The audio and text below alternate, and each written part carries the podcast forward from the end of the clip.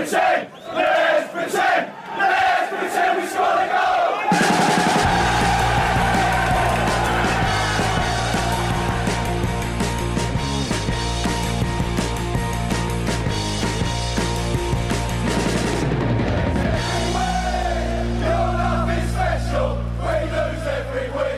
Ja, men då hälsar jag er välkomna till Premier League-podden som spelas in på en torsdag den här gången. Lite senare, mitt i julstöket, eller snarare efter julstöket. Det har gjort att eh, vi har hamnat lite i ofas. Men eh, vi ska strax kasta oss in i massa dagar till höger och vänster här och årtal och allt möjligt.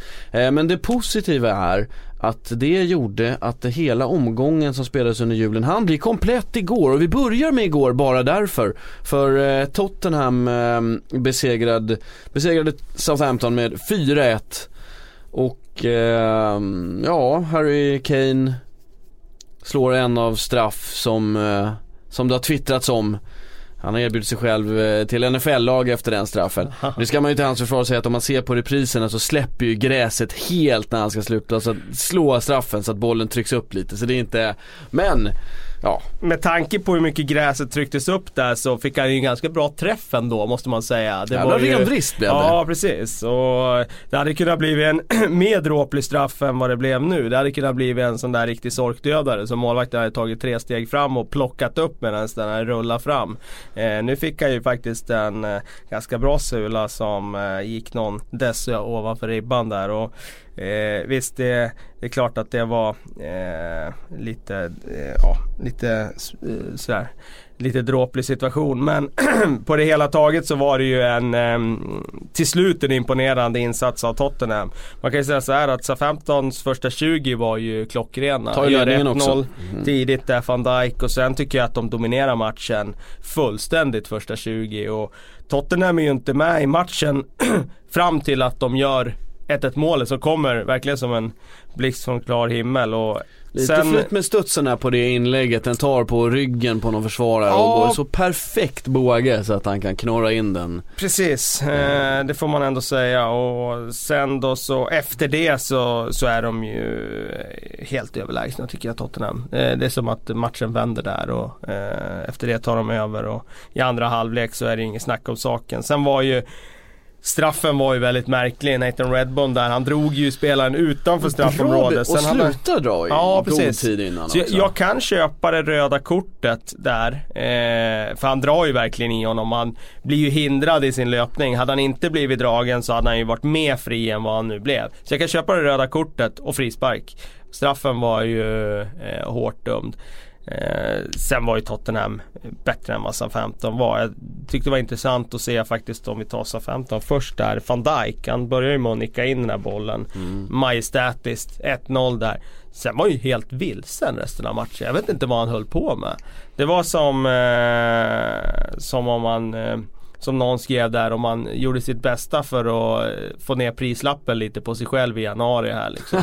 eh, Ja det finns mycket spekulationer nu. Först underströk han att han hade en spets där genom att nicka in 1-0 och sen eh, var han eh, ett positionsspel, det var som att han jag vet inte, han var som Bambi på hal is liksom när han sprang runt och Eller inte, han, det var inte så att han halkade runt men han Han var bara fel. Han var bara fel hela tiden och det, det kändes som att han tappade huvudet lite grann i andra halvlek eh, Så ja jag har varit oerhört imponerad det jag sett av honom hittills den här säsongen. Väldigt, väldigt imponerad. Men eh, där var det lite frågetecken kring hans eh, ja, lägsta nivå då, för den var, den var inte speciellt hög igår. Eh, Tottenham imponerande. Tycker att eh, det finns många spelare där. Man kan se bortom målen, bortom Harry Kane och Dele Alli.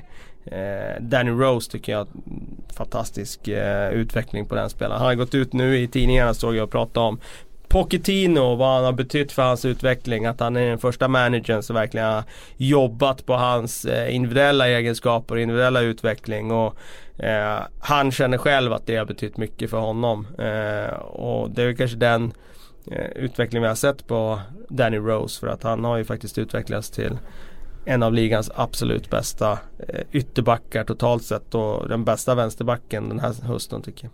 Och där har han ju fått fansen eh, på sin sida. Jag, det, det har ju varit många fans som tidigare har varit eh, Eh, ja men Danny Rose, vad ska vi honom till? Som helt plötsligt sitter och svettas när han blir avstängd en match och liksom shit vad ska vi göra nu när Danny Rose inte spelar? Som har gått ut och sagt det. Så att han har ju eh, Ja, han har fått med sig publiken också eh, och det är naturligtvis tack vare, tack vare bra spel. En sak som slog mig igår, eh, vilket visar att man, alltså Harry Kane han är bara 23 år. Jag tänker att han är typ såhär 27, 28, 29. Jag vet ja, inte nej, varför det jag får det. nog inte jag. Ja men jag tänker så här, jag, bara, jag, jag fattar inte riktigt varför. Jag bara såg det igår och så tänkte han ser ut som han är äldre än vad han är. Ja men, det kanske han gör.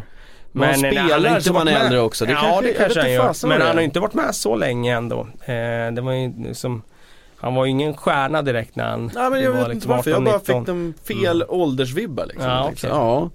ja. Ehm, Nej och jag menar, om man tittar på Tottenham så tycker jag att det är eh, intressant. De ligger femma i tabellen. Eh, om jag inte har räknat fel, men det tror jag inte att jag har gjort. De ligger femma. De har ändå tagit mer poäng nu den här säsongen än vad de gjorde i fjol när de låg trea och hugg verkligen på ligatiteln vid den här tiden.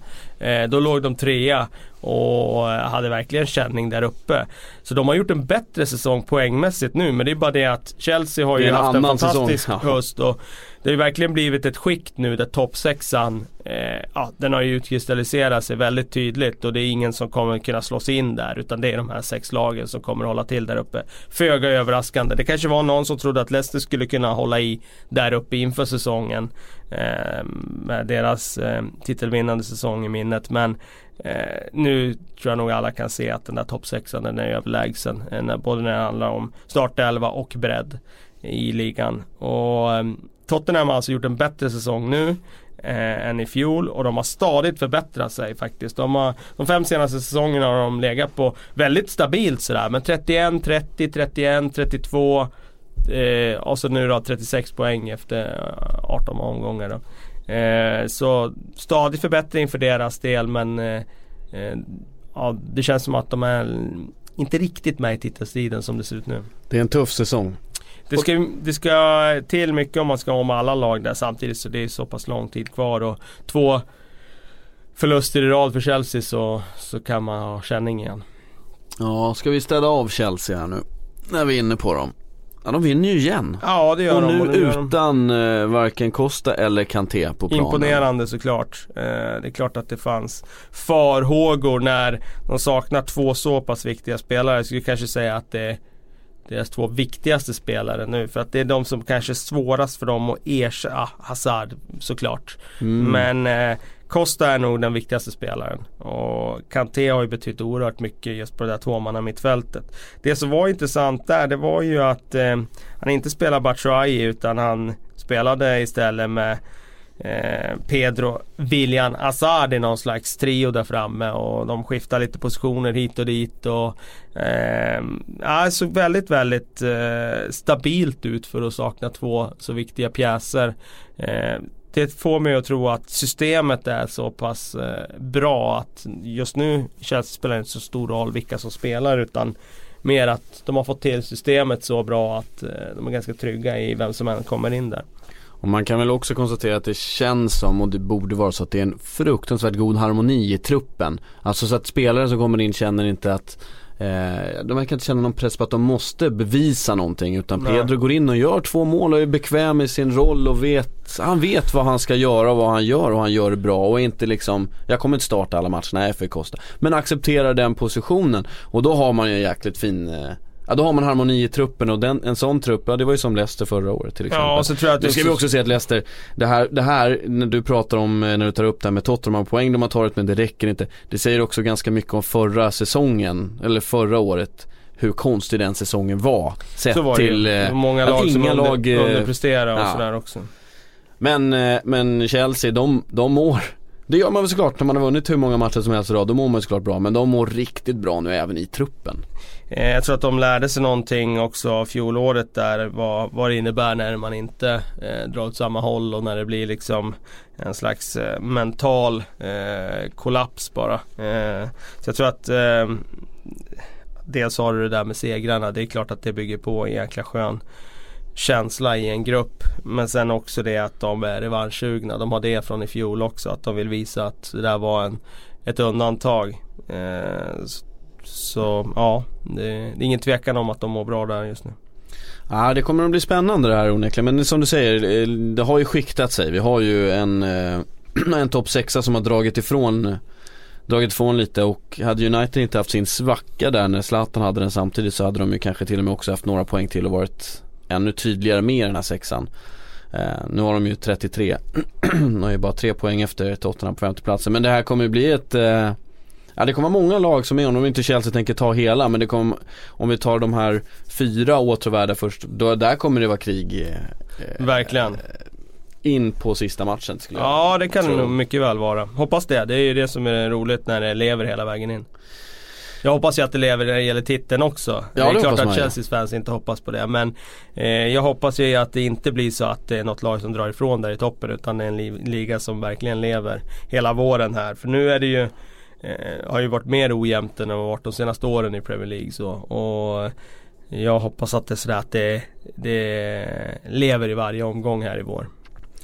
Ja det kommer ju några fantastiska matcher redan nu. Liverpool City är ju en eh, höjdarpunkt här nu på nyårsafton ja, för den som eh, väldigt, kan smita iväg. Väldigt märkligt att lägga den matchen sent på nyårsafton. Så. Ja, ja, det var väldigt udda. Jag förstår inte varför de inte la matcherna alla på nyårsdagen för. För då har ju verkligen alla eh, liksom soffläge. Ja. Och eh, Eh, kan se allt men ja, det var lite udda faktiskt att lägga matchen dessutom sent på nyårsafton. Ja den blir taskig för många. Ja, kan är man bortbjuden på middag där så får man eh, förhandla bra om man ska lyckas, eh, lyckas se den. Ja det här luktar som en reprismatch i mitt fall måste jag säga. Jag kommer nog få svårt att vinna den här diskussionen 18.30. Den här blir svårförhandlad för min del också. Det brukar, jag brukar vinna de förhandlingarna men den här kommer bli svår. Ja, det känner jag redan Man får välja strider helt enkelt. Ja så är det ju. Eh, men vi har ju, om vi, om vi blickar framåt även mot omgången efter där. Nu är det långt, vi är ända framme på onsdagen den 4 januari.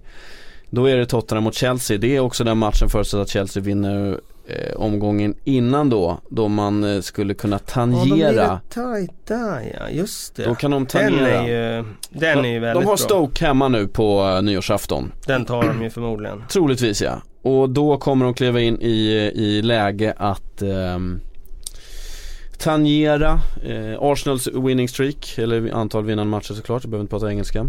Eh, och det gör man då mot Tottenham borta. Där har vi någonting. Och när vi pratar om titelracet och de topp 6-lagen, där är en viktig match onekligen. Men vi ska hålla oss i nuet, det var faktiskt inte det här jag tänkte prata om men eh, vi kan väl, man får alltid tisa framåt, det finns fantastiska matcher att kolla på. Eh, men vi ska prata lite dagar också, nu ska vi se. 85 dagar, det var vad eh, Bob fick i Swansea. 68, dag, 68 dagar, det fick Big Sam ha i England. Eh, en är borta nu, en och in, men inte rakt av. Alan Pardew har lämnat, Pardew har lämnat. Fan det var mycket händelser här. Ja. Eh, ska vi ta, vi kör Big Sam nu.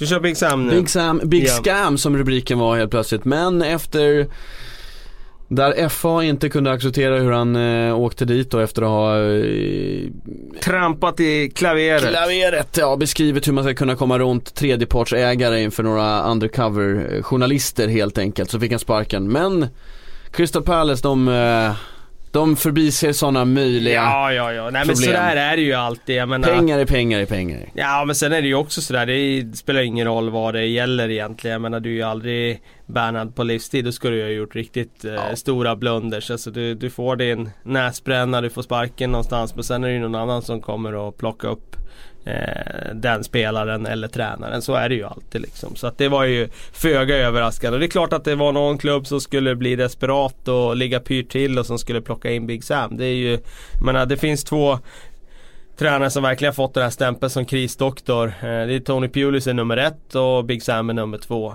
Och faktum är ju att oftast brukar det betyda att man klarar kontraktet i Premier League och det är ju det som Crystal Palace i det här fallet har eh, konstaterat att det, det, finns några försäkringar man kan ta och mm. eh, de är värda det. Nu har ju han eh, eh, ett material tror jag som kommer passa ganska bra för hans typ av fotboll. Alltså det här är inget lag som har spelat någon fantastisk fotboll under eh, Alan Pardew utan de har ju byggt mycket kring snabba kanter, inläggsspel mot Benteke, ett rakare spel och jag tror att eh, med Sam Allardyce tydlighet, för den kommer behövas defensivt. Där har det sett riktigt skakigt ut i höst. Eh, med hans tydlighet, hans fokus på eh, att få ut det bästa av materialet så tror jag att eh, det kommer bli ett lyft för Crystal Palace. Jag eh, kan absolut se dem eh, bättra sina resultat och sluta på Ja, inte topp 10 det tror jag inte men eh, jag kan absolut se dem eh, undvika nedflyttningskriget eh, liksom, i alla fall. Ja det pratas ju om att han ska få en bonus också, eh, ryktas om i alla fall. Att det finns en bonus som dinglar där på 50 miljoner om eh, han undviker nedflyttning med Crystal Palace. Ja och det är ju en helt ofattbar bonus för alla eh, såklart. Samtidigt så för Crystal Palace blir ju det småpengar i sammanhanget eftersom det här tv-avtalet ja. betalar så sjuka pengar. Så blir det ju för dem såklart eh, eh, ganska enkelt att vifta med den där bonusen för att säkrar de bara Premier League-statusen så kommer de tjäna pengar som är betydligt större än så. Och det är klart att eh, Big Sam kommer såklart vara laddad till tusen här för att dels behålla sitt facit att inte eh, åka ur och dels eh, såklart eh, kamma in den här jättejackpotten. Ganska... Om det stämmer ska jag säga. Det, det har skrivits ja, i, i brittisk press. Men jag brukar, när det gäller sådana där grejer så finns det nog fog för att tro att det är ingen rök utan eld. Utan det stämmer nog. Ja, så kan man kan ju summa, men någon slags bonus är det garanterat. Och det skulle jag vilja säga att det är ett ganska fint år att plocka Crystal, som du säger Crystal Palace. De har ju spelare som borde kunna leverera lite, lite bättre än vad de har gjort. Ja det tycker, tycker jag. jag. jag och om... det finns tre ganska fina räddningsplankor i år. Ja, jag har i och för sig tyckt att det har funnits det de senaste åren. Men, ja, jag, tycker, men... jag håller med dig om att de här tre är nog eh, bättre till och med än vad de var tidigare år. Det här är riktiga plankor. Då, då pratar vi Sunderland, Swansea och Hull. Ja. Eh, det är tre lag där spelarmaterialet är inte tillräckligt bra jämfört med de andra lagen. Det tycker jag inte att det är. Eh, det är tre lag som haft sin beskärda del av eh, osäkerhet såklart eh, på tränarposter och så vidare. Eh, det är tre lag som eh, ja, i och för sig de får slå underläge men som Ja, det, det, ska till mycket om de ska klara det. Det laget som har bäst förutsättningar för att klara sig kvar det är väl Sunderland där det ändå har fått någon slags eh, fason på det och de har kunnat vunnit några matcher men jag ser dem som tre givna plankor.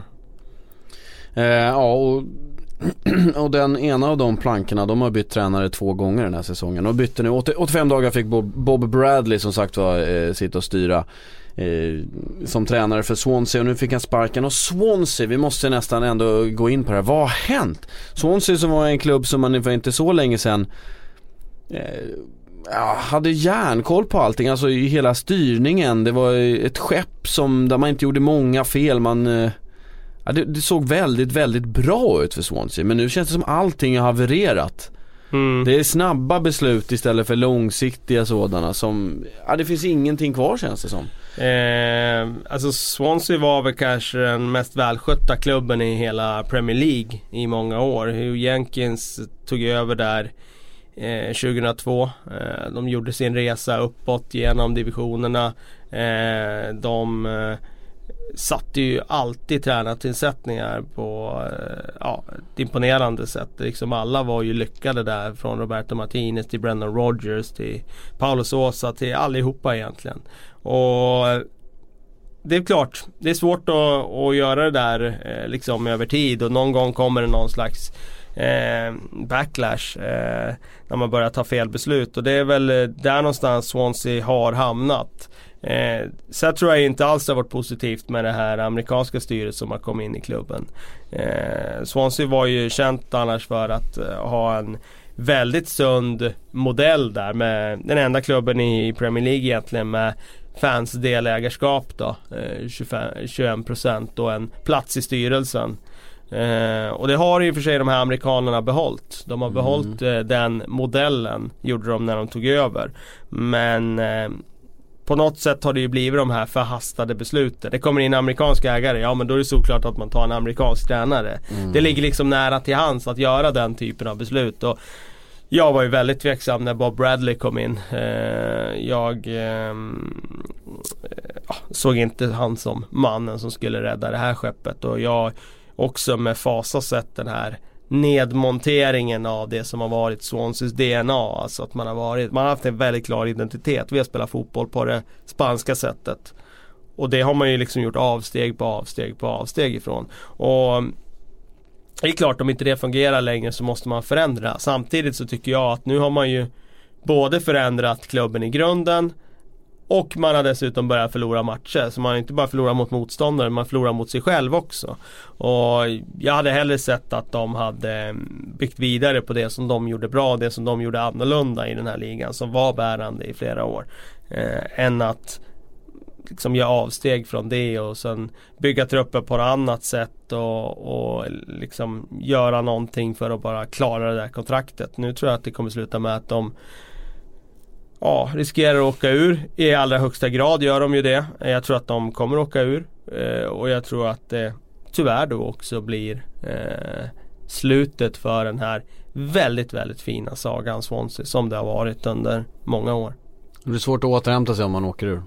Det är det ju och det är svårt att göra om och bygga nytt och göra det som man en gång gjorde bra igen. Alltså, eh, det är nog inte bara backa bandet att göra utan eh, då ska det byggas om en trupp igen och så vidare. Och så ska man bygga upp eh, ehm, en spelfilosofi med en tränare och sådär. Det, det, är inte lätt. Så att nu förstår jag om man skulle åka ur nu att man gör något annat. Eh, men jag tyckte att de hade något väldigt bra som man hade kunnat byggt vidare på om man hade fortsatt tro på det. Men eh, man vill ju avsteg från det och jag tycker det är, det är inte bara det utan det är många andra felbeslut tycker jag. Sälja Ashley Williams.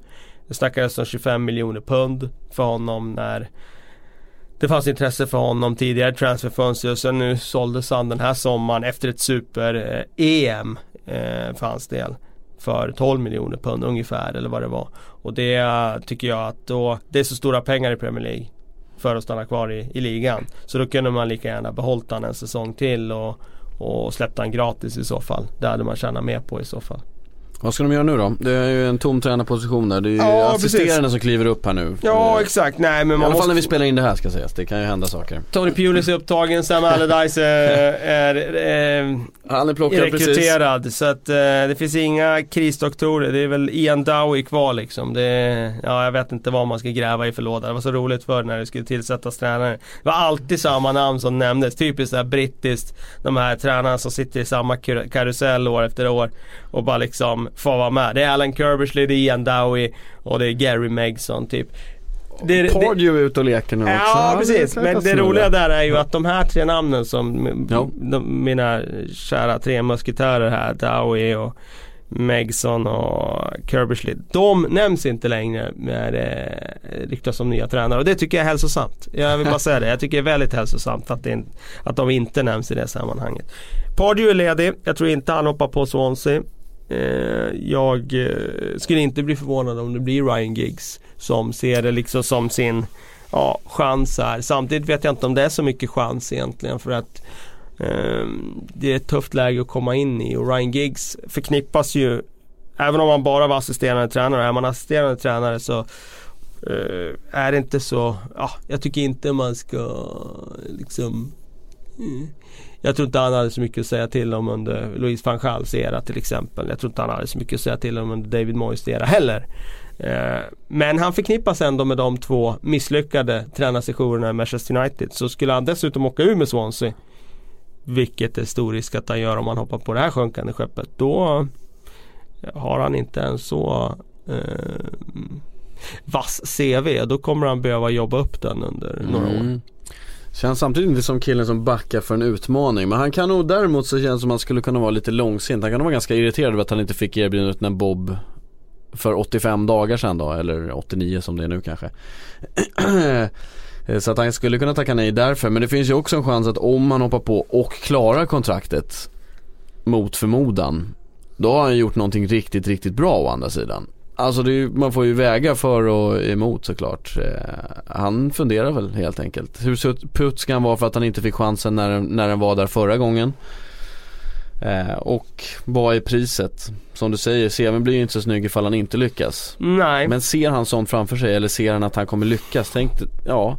Hur skulle det se ut om han räddar Swansea till exempel? Nej men jag tror att det är sådär med både spelare och tränare sådär så tror jag att man eh, det är samma sak du har med den spelare som går till Manchester City eller till Chelsea och det där. Och du, alla runt omkring säger varför ska han dit och göra på deras bänk? Men spelaren själv ser ju inte det framför sig. Spelaren själv tror ju på sig själv och tror att man ska slå sig in i startelvan och så vidare. Det har vi sett hundratals gånger. Jag tror att det är samma sak som tränare att du, du tror att det kan gå bra och då, eh, jag menar eh, varför backa för en utmaning liksom. Så då, borde, då kommer han ju tacka ja om han får frågan. Ja, vi får ju se hur han resonerar. Det här är och för sig ett riktigt sjunkande skepp. Så att eh, här finns det ju kanske öron att dra åt sig. Han skulle behöva en rådgivare i sådana fall kanske. Ja det har han nog i och för sig men eh, han kan ju alltid slå en signal till Sir Alex.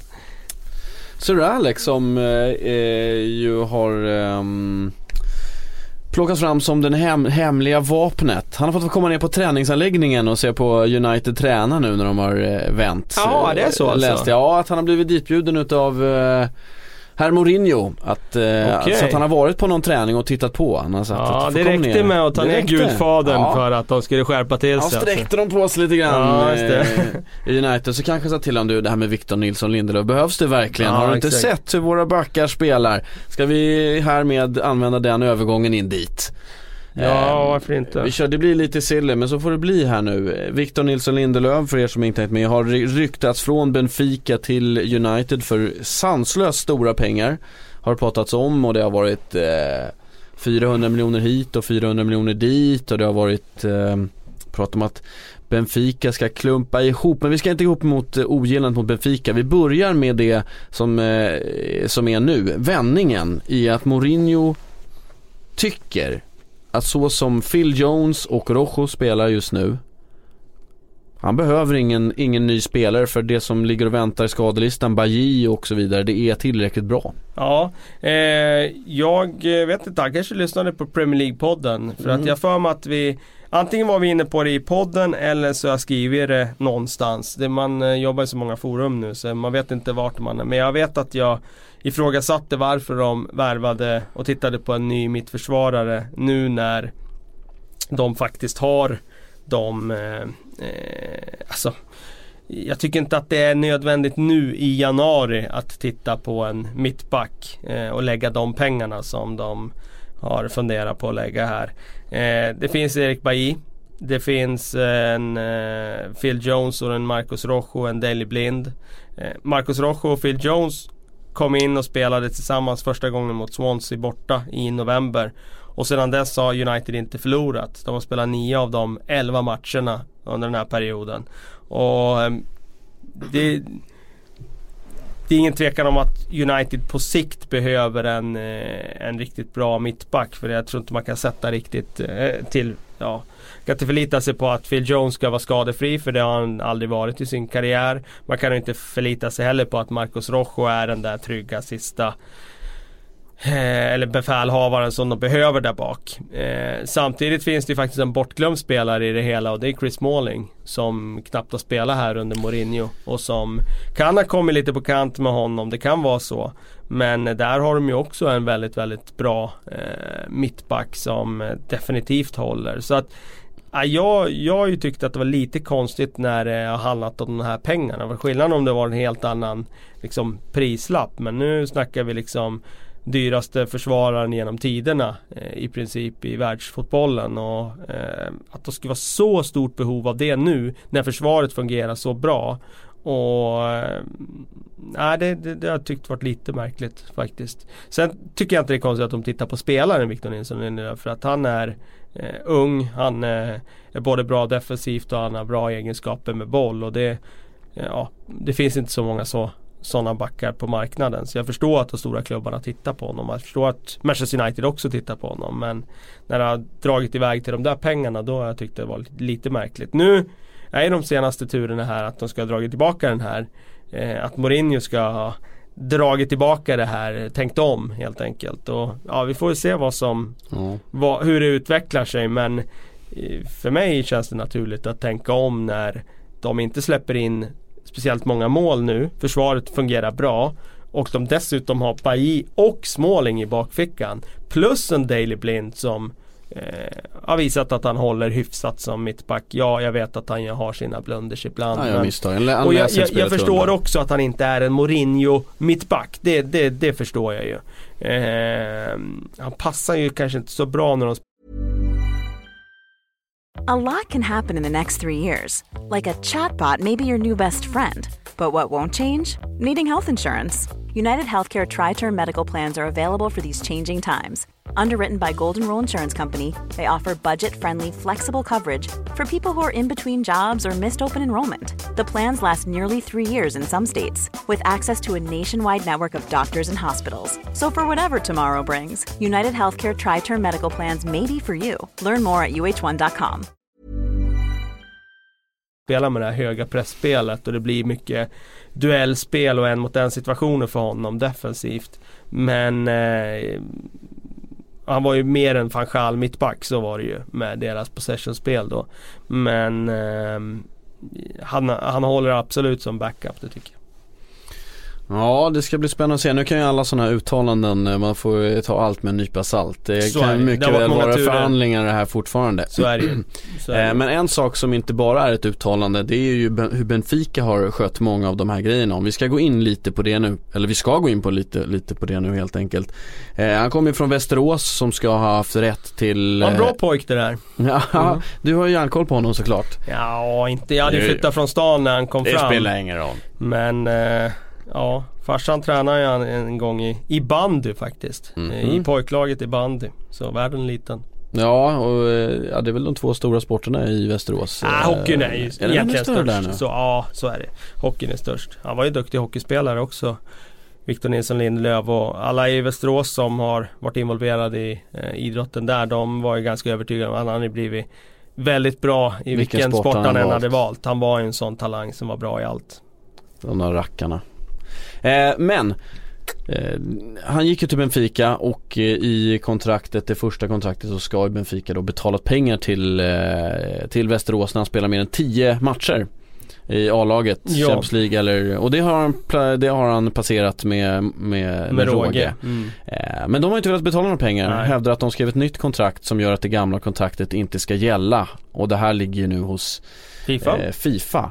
Precis. Men de pengarna är ju också stora pengar eh, såklart. Men det som också ligger i är ju att i första kontraktet även fanns en vidareförsäljningsklausul på 20% Precis. och den klausulen eh, riskerar ju att få Det finns ju två vägar här. Eh, ett att de får nej av Fifa då, Västerås och då kommer även vidare klausulen försvinna. Det troligaste är dock att de kommer få rätt skulle jag vilja säga. Eh, men Genom, och för att försöka komma runt där så ryktades det nu om att i försäljningen av Victor, VNL heter han nu, jag orkar inte säga hela namnet, eh, till eh, United så plockar man in även en annan spelare Semedo ja. och gjorde då att de skulle byta prislappar på dem och sätta en lägre prislapp på, på VNL och den stora och då därmed komma runt ja. ett potentiellt straff vilket låter fruktansvärt fult. Det låter fruktansvärt fult och det innebär ju egentligen att då kan ju alla klubbar göra så i all framtid. För då kan du ju bara signa en spelare från gatan egentligen. Eh, Ja. Be någon nere från amatörklubben eh, signa ett kontrakt att Du får tillhör du där. Eh, Här har du Benfica eh, kontrakt, du får 1000 kronor i veckan. Nu ska du säljas med till Manchester United men du kommer kosta 700 miljoner. Den här andra spelaren, stjärnan här bredvid, eh, han kommer kosta 10 miljoner. Eh, jag menar, det blir en ohållbar situation. Det, det Och de är tvingade att göra här, här också för de, de har skrivit ett nytt kontrakt med honom också för det är en Ja. utköpsklausul Ja, på 300 miljoner. Det är jag, den jag, de... jag hoppas att om det nu är så här de stora klubbarna vill gå runt det här systemet. Som jag tycker är ett väldigt bra system att mindre klubbar runt om i världen får ersättning för den kostsamma måste jag säga. Så det kostar ju pengar att, att driva en förening och utveckla spelare. Eh, om de ska gå runt det här systemet på det här fula sättet. Då hoppas jag att Fifa sätter hårt mot hårt här. Dels slå fast i ett gäller. prejudikat att om man gör det här så ska en marknads, eller liksom någon form av marknadsvärde gälla på spelarna. Eh, man ska slå fast det marknadsvärde med en oberoende eh, domstol inom citationstecken. Eh, plus en straffsats dessutom. Eh, för att man har försökt göra det här. Pratar vi Och- värvningsförbud? Pratar vi ekonomiskt? skulle Någon, någonting vara- hårt måste. Absolut, riktigt hårt för att, eh, att göra det här det, det känns så jäkla fult tycker jag. Och nu visst, jag är från Västerås och Och vi är från jag, Sverige. Och jag, vi är från Sverige men jag är från Västerås och det är klart att jag känner lite extra med VSK just i den här frågan. Men det här är ju liksom pengar som kan förändra framtiden för en liten klubb. Spelar ingen roll om VSK eller den här klubben i Tyskland som fick pengar för vad var det för spelare de fick pengar för här för något år sedan? De hade liksom Det förändrade hela den klubbens framtid. Det var någon division 5-klubb i Tyskland och de de skulle bygga liksom en ny eh, are, liksom, liten arena för pengarna. Eller, och de, det var någon klubb också som skulle köpa Det var någon annan klubb i världen. De skulle köpa lägenheter för pengarna för att bara säkra klubbens framtid. Bara för att Ja, det är ju en lägenhet är en bra fastighetsinvestering. Ja, Ja, ja, investering liksom. Och det, pengarna måste ju spridas ner i systemet för att fotbollen ska kunna fortsätta utvecklas. För att det inte Eh, det är inte hållbart att de stora drakarna tar eh, allt. De lägger ju beslag på eh, den största delen av kakan ändå genom att spela Champions League och så vidare. Och det är inte så att Benfica går lottlösa när de säljer Victor Nilsson Lindelöf utan eh, de får sin beskärda del ändå. Jag tycker det är för jävligt att, eh, att de ens håller på så här och jag, jag, jag befarar att det är vanligt att, att stora klubbar eh, försöker spela de mindre klubbarna ett spratt genom att hålla på så här. Ja det, det tar jag för givet att de försöker göra. Jag drar ut på tiden och allt det där liksom och det Ja det Jag hoppas att eh, Fifa går till botten med det här och verkligen sätter hårt mot hårt mot de stora klubbarna för de har ju verkligen råd att, att betala Och sen, ja de har ju råd och de ska ju betala och de får ju så mycket, eh, så mycket pengar. Och det blir ju som du säger, det skulle ju helt rita om kartan. Det finns ju ingen anledning att skriva några kontrakt eh, med vidareförsäljningsklausuler egentligen. Om man bara liksom kan gangstra sig runt det sen. Och börjar man göra det, då är det ju kört. Och det kommer ju inte alla klubbar, alltså Västerås kommer ju knappast sälja en spelare till Benfica igen. Det är ju inte särskilt troligt. Alltså eh, om det skulle komma fram nästa svenska superstjärna skulle komma i Västerås och Benfica skulle vilja köpa honom. Då kommer ju de inte sälja till Benfica. Det är ju Nej, troligt. är ju. Men den risken tror jag Benfica, Benfica ser som obefintlig. eller Liksom, de Ja. tar väl den, Ja, den risken. Och andra klubbar, frågan är hur stort vi blåser upp det här stort i Sverige. Jag har inte riktigt koll på hur stort har det här Hur Guardian, uppmärksammas det annars stort liksom? ja, Guardian gjorde ju en lång artikel om det här är faktiskt. Då ökar ju Eh, Ja, att, eh, så är det ju och det säger väl någonting om att just den här grejen kan bli lite av eh, eh, ja, uppmärksammad runt om i Europa. Att fler får upp ögonen för det här med hur större klubbar blåser mindre klubbar. Jag vet inte hur vanligt det är. Jag kan inte svara på det. Jag har bara fått höra från någon att "Ah, men det är liksom ja, det, det är inte ovanligt att det sker. Sen hur eh, ovanligt eller vanligt det är, det Nej. vet jag inte.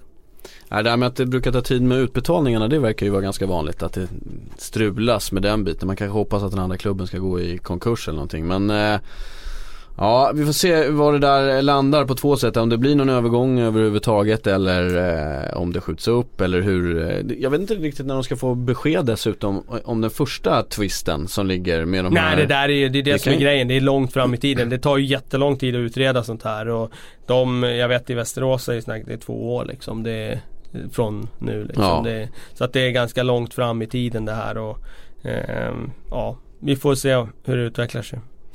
Ja det där, eh, som sagt va, vi kommer nog prata lite om det här eh, lite, lite fler gånger. Nu får du en fråga här från Anton Götesson, är du beredd? Mm, Ja. Varför lyckas inte italienare i Premier League? Ehm, Fast han får en fråga som jag, ja, typ bara Conte, Raniero och Ancelotti som lyckats, tränare som spelare. Ja, Matsari gör det väl helt okej nu i Watford även om han inte har varit där så länge. Gianfranco Sola gjorde det ju alldeles utomordentligt bra i Chelsea. Hur var Ravanelli där? Ja, Ravanelli var ju glödhet eh, inledningsvis. Han började väl med ett hattrick i Middlesbrough där om jag inte minns fel. Eh, så, nej han var ju glödhet där också. Nej det, det finns ju italienare som har gått bra. Men samtidigt, jag menar det är inget unikt det där. Hur många engelsmän är det som har lyckats i Italien? Hur många är det som ens har tagit sig dit liksom? Det är det var inte många. extremt, för jag skulle säga Ja. färre än. Ja, Så så jag komma det, på någon där. Gassa Jag tror var ju där nere och lekte ett tag. att fotbollen är väldigt, väldigt annorlunda. Eh, Italien och England. Det är Italien mycket fokus på taktik, mycket smartare spelare. Eh, England mycket mer fokus på fysik eh, och en mer fysisk fotboll, tempostark fotboll. Så jag tror att det blir lätt en kulturkrock däremellan. Sen har ju vissa tränare eh, som jag ser det då som Conte till exempel. Han är väldigt eh, skicklig och modern och eh, klarar av att komma till en ny liga och liksom eh, förstå vad som krävs där. Så eh, vissa kommer greja det. Linus Jensen här, det blir lite silly, det får den ändå. Kommer transfersumman toppas för backa detta fönster med tanke på situationen i Manchester City? Thiago Silva dit. Nu skrev han precis på en väldigt lång förlängning här i PSG, just Silva. Ja, där kändes väldigt mycket silly så jag passar vidare ja. där till Patrik Bränning i Sillypodden. Men eh, eh, jag, jag, tror att City kommer att försöka göra allt för att hitta en försvarare i januari och nu sänkte ju van Dijk prislappen på sig själv här så de kanske går in och, och plockar honom nu här. Är Adam Lallana Premier Leagues bästa mittfältare just nu? Tommy Ny Thomas Nygren är det som undrar. Ah, Okej, okay, ja. Alltså han har ju varit i superform och han är ju definitivt med där uppe. Sen tycker väl jag att Kevin De Bruyne, eller De Bruyne heter han ju nu. Ja, vi, nu vi Kevin De Bruyne. Han har en nivå som eh, andra mittfältare i ligan eller få mittfältare överhuvudtaget i världen har. Men eh, ingen i Premier League tycker jag som når upp i hans högsta nivå. Jag tycker att han, han är fullständigt briljant. Eh, Lallana eh, är väldigt viktig för Liverpools system. Han eh, eh, har varit i riktigt bra slag nu senaste veckorna. Eh, han är definitivt där uppe på topp 3, topp 4. Eh, men ser man förbi de här senaste veckorna, senaste veckorna kanske han varit den allra bästa. Men ser man förbi bara de senaste veckorna, mm, en och en halv månad så, så tycker jag nog De Bruyne är den som sticker ut för mig. Eh, vi har fått två frågor på samma ämne, vi har fått många frågor på samma ämne här, men just två om afrikanska. Eh, vilka PL-spelare åker afrikanska. Vilka lag drabbas hårdast av det väl snarare om vi summerar det till den frågan. Vilka ja. Premier League-lag drabbas hårdast av afrikanska mästerskap som drar igång i januari? Ja, precis. Mitten av faktiskt. Precis. Nej men det är väl, um, jag tänker på, um, på Liverpool här med Mané och uh, Matip. Det är ju två tunga tapp. Om nu Matip ska spela afrikanska. Jag vet inte om det kom något besked om det. Eh, för att han var inte så sugen själv på att lira va? Ja, får man tacka nej? Ja, det är klart man får tacka nej men Nej, han Den... kommer inte spela. Eh, han kommer inte spela. Enligt eh, Ja, han har ju visat sig vara väldigt viktig faktiskt. Ja, jag tycker ju att det där, jag har ju tänkt på det där tidigare liksom att spelare åker och spelar Afrikanska mästerskapen. Att, jag tyckte det var konstigt att fler inte har tackat nej till det tidigare. Eh, men eh,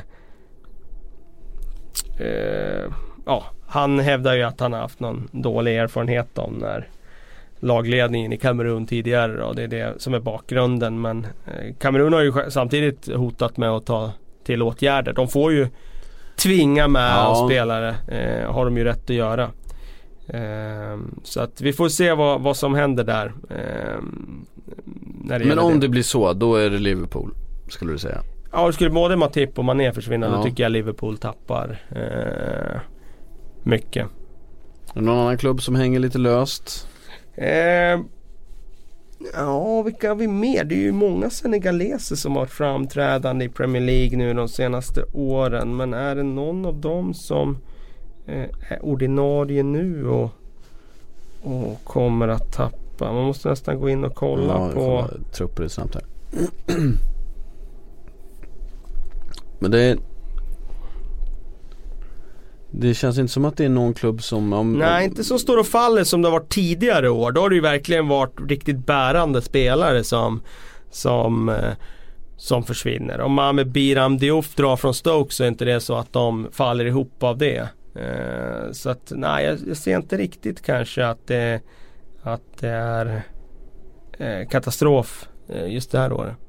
Ja men då så, det drar igång i januari så att eh, det, det närmar sig. Så beror det på lite hur långt man går i den där turneringen. Alltså om man inte går vidare och så vidare. Eh, då blir man inte borta så länge. Nej, går man till final dock då är man borta nästan en månad. Så, är det ju. att, eh, Samtidigt lite cupmatcher där i januari också så FA-cupen kommer ju in där någon vecka och så. Så att eh, det brukar väl bli tre ligamatcher eller något sånt där. Ja, Fyra värsta fall eh, nu ska det vara någon fråga specifik här till nyårsmatchen om man skulle spela med Origi eller med Sturridge på topp. Eh, då är vi kvar på Liverpool. Ja just det, ja, jag tror ju eh, Origi med sin eh, alltså styrka både i det offensiva och det defensiva spelet. Eh, känns som att han ligger steget före Sturridge i den där elvan. Och jag tror nog att Origi eh, kan passa bra mot Citys höga backlinje. Det kan ju Sturridge också göra men Origi är ju så extremt löpvillig. Eh, så att eh, nuvarande form och så vidare och insatsen den här hösten hade jag valt Origi. Vad ska Sturridge hitta på egentligen? Ja, han sitter ju lite i en sits där han kanske vill titta på andra alternativ. Eh, han vill ju såklart vara ordinarie och spela varje vecka och då kommer det säkert att vara klubbar som är intresserade av att i alla fall ställa frågan till Liverpool om hans status här. Liverpool ska ju såklart behålla Daniel Sturridge om de kan för att de behöver en bred trupp här i vår om de ska eh, fightas på flera fronter med FA Cup och med, med liga så. Så att eh, för Liverpools skull hoppas jag att han blir kvar. Du, här har vi en fråga som vi ska, vi ska inte, jag tror inte riktigt att vi kan svara på den nu men vi ska ta med oss den här. Jag såg den nu eh, dock från eh, David Alihed. Ge oss en 11 med PL-spelare med allsvenska meriter som inte är svenskar. Till exempel Sheringham som vi varit inne på. Om han nu var allsvensk, var med i kvalet dit. Eh, Amertey eh, och Afonso Alves. Ja okej. Eh, men här måste vi fundera för här om vi ska få ihop 11 spelare som Ja. inte är svenskar, spelat i allsvenskan och sen tagit Måste till vara i Premier League. Allsvenskan också. Annars hade vi kunnat tagit med Winnie Jones, Dennis Wise. Eh, Dennis Wise var ju när jag spelade division 3 i Grebbestad tror jag. Ja men vi tar svenskar för annars blir det, ja men vi tar med som har någon svensk anknytning eh, Ja, på Peter alltså Crouch spelet. har vi i Hässleholm. Så Just det skulle bli det, ett... han spelade ju, spelar ju fortfarande dessutom Peter Ja, Crouch. Jag såg så ett honom, anfallspar med Teddy Sheringham och Peter Crouch då. det är ganska kaxigt anfall. med Dennis Wise och Winnie Jones. Amartey i en defensiv roll där. Han har ju spelat mittback också, vi kan kliva in honom 4-3-3 där. Ja. Eh, eller 5-3-2 kanske vi kan få ihop. Ja. Eh, Håller du på att hitta massa försvarare där inne också? ja, det är sådana vi ska hitta. Det är Ja, de, svårt eh, att komma målvakt. ihåg. Ja, men så, jag tycker det var en spännande fråga, ska vi ta med oss den så kan jag man hoppas vi inte behöver ta med Joss Højfeldt i den elvan för han hade ju en väldigt tung sejour i Premier League där. Han hade ju väldigt jobbigt i SA-15. Eh, men, men vi kan nog betvinga rent matematiskt. kan vara så om vi ska ha fem försvarare i den där 5-3-2 Ja. som jag ställde upp där så kan det nog bli så. Men en, en riktigt spännande tankenöt. Ja. Ehm, Som, Richard Kingson i mål, han var ju rätt bra där. Ja, där hittade du någonting. Eh, han var ju väldigt bra när han var i Hammarby där. Ja det var han ju. Eh, ja, nej men vi, vi, vi, vi, fnular på en fembackslinje till nästa podd. Ja men du har redan börjat bygga ut lite Ja, alla hade ju fall. 5-3-2an där. Du hade ju mittfält, hade ju forwards, hade ju, ja det är backarna Alltså där. ett bra anfall också, det måste vi ändå ge det. Ja, ja absolut, Alltså, absolut. Med eh, landslagsmeriter Ja, måste dessutom. se han förresten. Mm, mm. Du, du är på väg att hitta en till spelare här. Ja, det är det jag funderar på här. Ja, det här är en diskussion vi ska bjuda till Niva i också. Då jäklar hade det spottats. Ja, han har ju alla de där ajour i. Ja, Ja, nej men vi... den, vi tar med oss den så vi Ja. inte fastnar för länge Nej. i, i, i, i just, eh, just den frågan. Eh, Mårten Everbrand har en fråga. Är vinst alltid viktigast? Tänk Evertons 5-4-1 köttmur, långburar, långbollar men inte alls kontrollerat.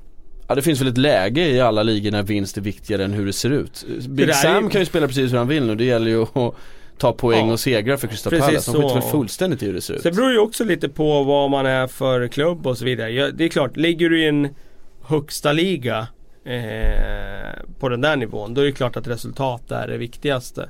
Sen kommer det ju alltid finnas eh, önskemål från fans om att eh, spela bra fotboll, underhållande fotboll och så vidare. Men där uppe på den nivån, där tycker jag ju resultat är viktigast. Eh, det blir ju det i slutändan på den nivån. För att eh, alternativet är att du spelar jätteoffensiv Sednex Edman fotboll.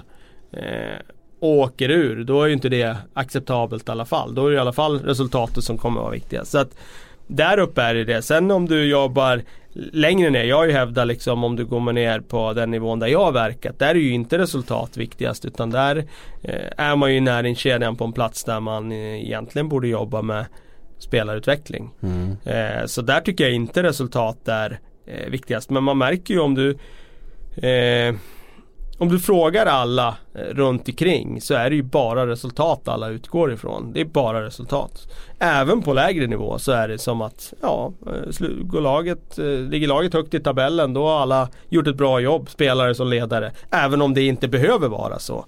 Ehm, så att jag tror att det har blivit liksom en allmän uppfattning i liksom i alla led att resultat är det som är viktigast. Jag tycker inte att det är det eh, personligen.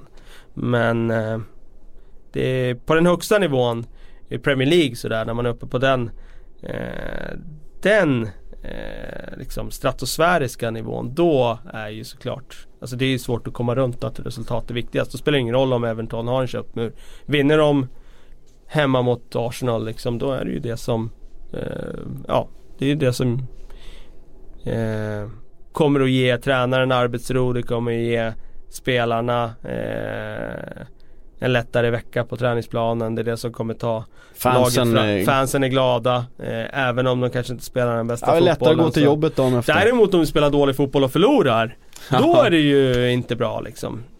Så men, eh, jag, jag kan inte se liksom eh, Jag kan inte se det som att eh, när du är på den högsta nivån att det är något som är viktigare än resultatet. Eh, det är klart att du kan ha en, eh, en idé om att ja, men den här klubben ska spela bra fotboll. Ja visst, du, det, det, det är ju jättekul med klubbar som sätter en egen identitet. Jag kan tycka att det är jätteintressant. Swansea. Samtidigt så, du får ju inte åka ur. För då kommer du inte vara nöjd med det. Även Nej. om du sätter din egen identitet. Och då är det i alla fall så att då har i alla fall resultatet varit det viktigaste. Till en viss gräns. Sen kan ju vara en klubb som, ja men vi är nöjda med att ligga i mitten och spela jättebra fotboll. Ja bra, men då, då sätter du ju ändå den där eh, restriktionen att du vill ju ligga i mitten då. Du vill ju inte ligga under strecket. Du spelar inte cyniskt någon match för att du behöver utan du vill spela din fotboll. Även om du vet att det kanske passar just det här laget bäst. Så, Ja. Så, ja, ja, ja. Eh, en annan fråga, eh, diskussion som vi hade förra veckan. Jag har fått mail om det där vi pratade om eh, utmaningar på domslut. Så. Eh, jag fick ett mail och nu tappat bort mailet, jag råkade slänga det, jag ber om ursäkt. Men eh, jag fick ett mail som tyckte att priset skulle kunna potentiellt vara byten. Ja just det. Eh, Man blir av med ett byte. Du blir av med ett byte om du gör en utmaning. Då, då tyckte Om du har var... utmaning och så har du fel. Ja precis, då åker den dit. Ja nu vet fasen om man, ja precis. Om du har fel. Ja exakt. Exakt. Då, ja, då tyckte jag nästan, ja, det kan jag tycka låter bra. Man får nästan utöka med ett, du måste nästan ha fyra byten när du börjar för du måste nästan få något mer. För annars blir det väldigt dyrt. Mm. Ja, jag vill inte göra om regelverket i grunden så. Nej. Eh, så det, jag, jag tycker det, Jag det det, det är smart, det är en intressant idé men eh, jag tycker straffet ska vara någonting annat då. Då är frågan vad det ska vara. Men eh, jag gillar inte att man tar bort byten och så. Nej. Det, gillar inte. det innebär ju att unga spelare får mindre chans att komma in på plan till exempel. Eh, är det det man vill? Nej det vill du inte. Nej. Eh, nu har en, en annan diskussion dykt upp att, att eh, i fotbollen och vi har ju pratat om det har varit problem med den här svärmning runt domare som det kallas. Eh, och nu har man ju lyft upp att det kanske bara ska bli så att lagkaptenen, som det är i många andra sporter, är den enda som ska få sköra, är den som ska få prata med domaren helt Ja. enkelt på planen. Det tycker jag är en bra idé. Eh, så länge domare också har en för, förförståelse för att man måste kunna acceptera den första reaktionen hos spelare. Alltså Ja. den spelare som är inblandad måste kunna få reagera utan att få ett gult kort. Ja. Alltså så länge man har domare som har den spelförståelsen och förstår att en spelare måste kunna få fräsa av sig utan att Men Men annars tycker jag att det Annars är jag för. Jag tycker det skulle vara bra mm, Med en lagkapten som, som sköter Ja, jag tycker det var, några, det var ju några år sedan där, den spanska toppmatcherna som spårade var- ur med liksom, det var omringa domaren efter varenda domslut i princip. Och då, då tyckte jag verkligen det behövdes en sån regel. Ehm, Jag eh, vet inte om det behövs just själva regeln att bara lagkaptenen får prata med domaren. Däremot tycker jag att det var bra det som infördes i Premier League till den här säsongen. Att domarna skulle bli hårdare mot eh, utbrott mot domarna. Och det har de ju blivit. Nu kommer det där gula kortet upp ganska ofta för eh, den där eh, överdrivna reaktionen mot domare. Danny Rose igår till exempel fick ju varning för det. Eh, han fick ju inte varningen för att han drog i spelaren. Eh, där i andra halvlek. Utan han fick ju faktiskt varningen för att han snackade med linjedomaren. Eller snackade, han skällde på linjedomaren efter det domslutet. Och han gjorde det inte på tillräckligt kontrollerat sätt. Enligt Mike Dean. Fick gult kort. Jag tycker att det kortet borde kunna komma upp oftare. Och det har varit situationer i höst där jag tycker att domarna kunde ha varit ännu hårdare på det. Eh, de har varit hårda i vissa fall men de har inte hållit någon riktigt klar linje på den punkten. Det tar ju tid för domare att hitta också. Så är det ju. Eh, och det här, Robin ställer en fråga om just Mike Dean, eh, bara det. Därför kan du få prata om det här om du vill. Prata gärna om hur dåliga domarna är och hur kan Mike Dean få döma Tottenham? Är Premier League den mest korrupta ligan? Det känns som det är en, en fråga ställd genom ett visst eh, perspektiv här. Men Ja. är, är dom, vi börjar så här, vi ställer om frågan. Är domarna i Premier League dåliga? Nej, det är de inte. Eh, de Borde är, Mike Dean få döma de Tottenham? är inte sämre än vad de är i andra ligor. Däremot så är ju Premier League den mest uppassade ligan i hela världen.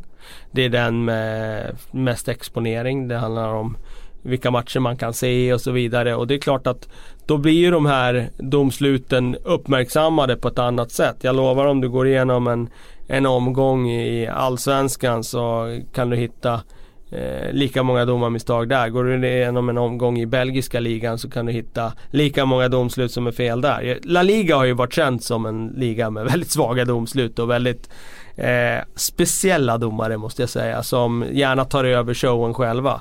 Jag tycker att de engelska domarna eh, är okej. Okay. jag vet att många kommer protestera så kan man peka på det ena domslutet här och det andra domslutet här. Så kommer man alltid kunna, göra. göra. Spelar ingen roll var du än liksom verkar någonstans inom fotbollen. Så är det. Så kommer det alltid vara när den, liksom det mänskliga ögat ska avgöra en situation som vi andra kan sitta och titta på repriser fyra, fem gånger efteråt och diskutera. Ska det vara si, ska det vara så?